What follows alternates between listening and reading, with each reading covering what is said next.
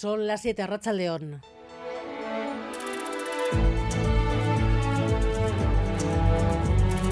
Gambara con Arancha García. Frío, mucho frío el día de San Sebastián y la izada parece que serán bajo cero, pero nada parece que vaya a poder con las ganas de los donostiarras, Gary Suárez, Arracha León. Arracha León Arancha, bueno, lo primero de todo confirmamos ¿eh? que hace mucho frío aquí en Donosti, donde el día grande es mañana, sí, pero hoy, en víspera de San Sebastián, el ambiente, bueno, pues está siendo muy bueno en la parte vieja. Antes de la izada, que será a las 12 de la noche, la gente que ha salido a potear, a pasárselo bien, donostiarras que lo viven de una manera muy especial. Esta chica, por ejemplo, vive en Madrid desde hace nueve años, pero ha vuelto expresamente para pasar este día. Escuchen el día favorito del año, sin ninguna duda. He venido desde Madrid y aquí que voy a darlo todo, con 25 años. Así que, pero eso, no me pierdo nunca este día, jamás. O sea que, porque mm, es el día, para mí es el día más importante del año, es, es un día de, festejo, eh, la Unión Artesana se alimenta además de toda la vida y, me encanta. O sea, es, es, es felicidad absoluta.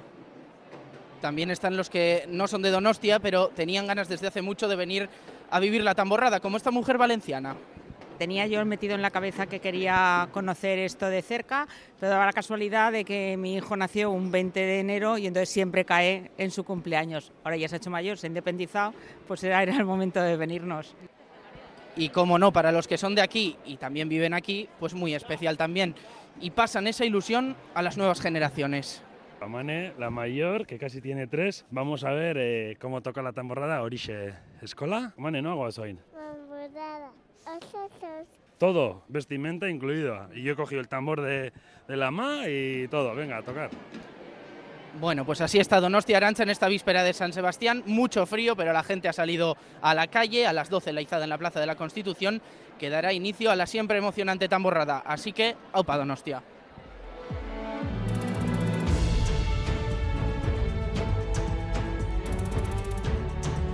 Objetivo cero emisiones antes de 2050, como destinando recursos a las renovables y desconectándonos progresivamente de los combustibles fósiles. Habrá ley de transición energética en febrero y además con el apoyo del 82% del Parlamento Vasco. Los tres principales partidos, PNV, PSI y H. Bildu, dan el aval a esta ley. Ainhoa Iglesia. En una comparecencia conjunta han escenificado el acuerdo que permitirá que esta ley salga adelante a mediados de febrero con un amplio apoyo de la Cámara. Las tres principales formaciones que destacaban que si esto ha sido posible ha sido por la altura de miras que han mantenido en la negociación, sabiendo abstraerse de las elecciones autonómicas, decían, o de intereses partidistas y centrándose en la urgencia de crear esta ley. Una buena ley, decían, una ley que forzará al Gobierno a deshacerse de las inversiones en combustibles fósiles y a impulsar las energías renovables para llegar a 2050 con neutralidad climática. A las 8 entrevistamos aquí en Gambara a la consejera Arancha Tapia y al exalcalde de Barcelona, Xavier Trias, una de las víctimas de la Operación Cataluña, Mariano Rajoy, habla por primera vez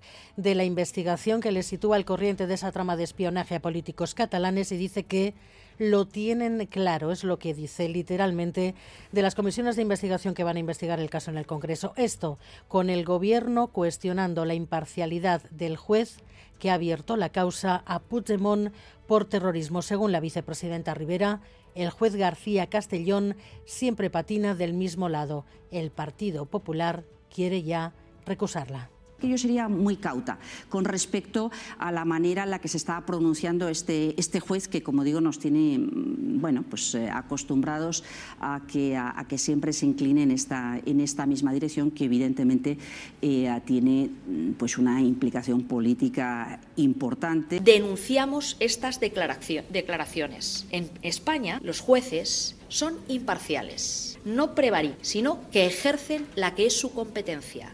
Y las pescaderías la próxima semana podrían empezar ya a notar la falta de merluza, rape o gallo del Golfo de Vizcaya. Enfado mayúsculo en el sector pesquero por la prohibición, prohibición de faenar en aguas francesas para proteger a los delfines, John Fernández Moore. Efectivamente, no se podrá pescar en las aguas francesas del Golfo de Vizcaya durante un mes. Las autoridades galas han tomado la decisión para proteger a los delfines en su época de apareamiento. Se calcula que los arranchales franceses recibirán ayudas por valor del 80% de las pérdidas. El gobierno español, para poder compensar a los arranzales, también prohibirá la pesca en esas mismas aguas. Los pescadores, eso sí, lamentan que solo se les asegure el 25% de las pérdidas. Los pescadores dejarán de acudir a los caladeros de merluza, rape o gallo, por lo que se reducirá la oferta, dicen, y subirán los precios. En Navarra se redita el pacto presupuestario. EH Bildu volverá a apoyar los presupuestos del gobierno chivite. El diálogo comenzó semanas atrás, ha sido siempre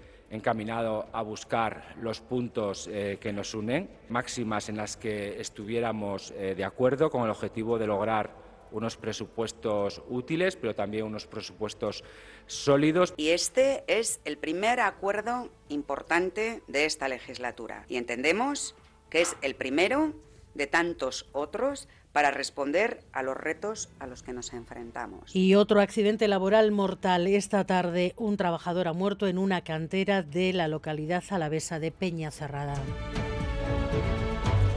La meseta prácticamente colapsada por la nieve en Salamanca, en Soria. Hay bastantes problemas porque hay una gran nevada, pero lo peor parece que está pasando en la A1 cortada en Segovia, sentido Burgos, porque parece que hay vehículos cruzados. El tráfico con Madrid interrumpido, por tanto, en esa dirección.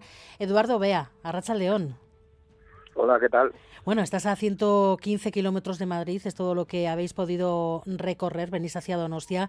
Os han parado ahí, no podéis continuar. ¿Qué os han dicho?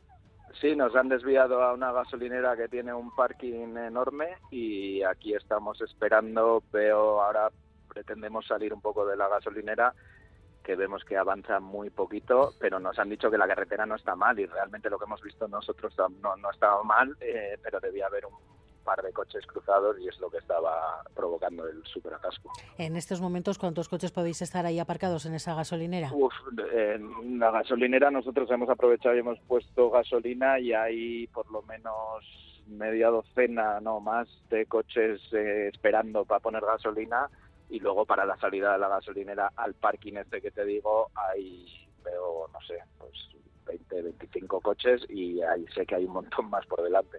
En el otro sentido se está circulando sin ningún tipo de eh, problema. en el otro sentido no, no pasaban muchos coches, la verdad. Pero pero es más por es más por los coches que han ido de listos y se han atravesado que por el estado de la carretera en sí. O sea, sí que hay un poquito de nieve, pero es esa es, es, muy húmeda.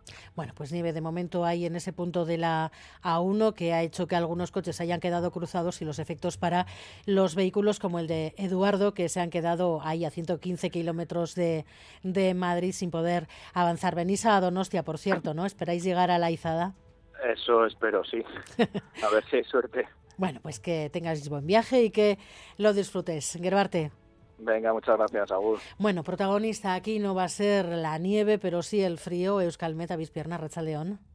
A León, buenas tardes. Durante las próximas horas el frío será el protagonista. Las nubes se han ido retirando casi por completo y en puntos del interior las temperaturas se van a situar por debajo de los 0 grados.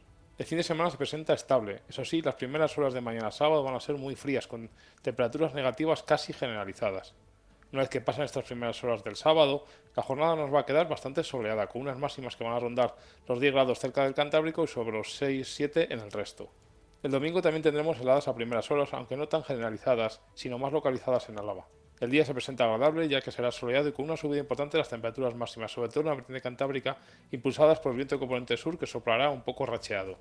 Y los deportes, Edu García, Rachaldeón. Rachaldeón, pues mucho frío va a hacer seguro en Gasteiz, porque ahora mismo hay 0 grados en la capital alavesa y todavía son las 7 y 10 de la tarde prácticamente, y a las 9, cuando comience hoy el Alavés Cádiz en Mendizorroza, el partido que abre la jornada 21 de Liga en Primera, se espera que todavía el mercurio esté un poquito más abajo, en torno a menos uno, menos dos grados. Así ¿Cómo, que, ¿Cómo se juega en esas condiciones? Pues eh, un poquito mejor, por ejemplo, que en Zaragoza. A las ocho y media tiene que jugarse el Zaragoza-Andorra, partido de segunda división, pero la Romareda está cubierta por la nieve. El campo de Zaragoza está totalmente cubierto por la nieve y hay riesgo de que el encuentro no se pueda llegar a jugar. En Gasteiz sí va a haber partido con mucho frío seguro en la grada, pero también con mucho ambiente porque el partido es muy importante para un equipo, el glorioso, que en caso de ganar dejaría al Cádiz a ocho puntos de distancia, ya muy lejos en la carrera por la permanencia. Noticia destacada de este viernes, como lo ha sido el sorteo de Copa, los emparejamientos para los cuartos de final. El Atlético jugará contra el Barcelona en un clásico ya del torneo de Copa, y la Real lo hará en Balaídos contra el Celta de Vigo. Los partidos el próximo martes a las 9 en Galicia, ese Celta Real Sociedad, y el miércoles en San Mamés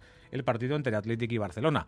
El conjunto rojiblanco está rumbo a Valencia, que mañana tiene ahí partido de Liga, y la Real está camino a Vigo, porque juega mañana contra el Celta en Liga y lo hará el próximo martes, de nuevo contra el conjunto vigués, en la Copa. Es lo que ha deparado el sorteo esta mañana.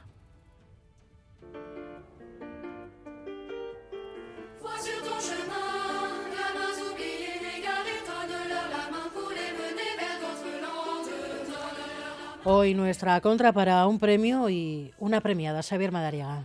¿Habíais oído hablar alguna vez de los Reales Tercios de España? Yo tampoco, no os perdéis nada. Es una asociación de militares retirados en defensa de los Borbones, y a los que se suman a su causa los condecoran, como la presidenta madrileña Díaz Ayuso. Además de que nos gusta la fruta, los Reales Tercios estamos totalmente de acuerdo con usted. La han nombrado Gran Dama de los Reales Tercios de España. Hasta aquí todo normal, porque Dios los cría y ellos se juntan. Lo llamativo ha sido el discurso del general retirado que ha condecorado a Ayuso. Sus elogios a la presidenta no tienen desperdicio. El gran papel que ha desempeñado al frente de esta comunidad, la región más libre y la casa de todos los españoles. Y aquí arranca el repaso a los logros de Ayuso gestionando como gestionó la pandemia el 2019, abriendo hospitales. Todo correcto si no fuese que la pandemia fue en 2020. O el bono de transportes que ha puesto al alcance de todos. Genial, pero el bono también lo paga Sánchez. Y así todo, pero mejor no llevarles la contraria. Solo los indeseables malnacidos no reconocen sus méritos. Vamos, que fue un discurso a la altura de la presidenta madrileña.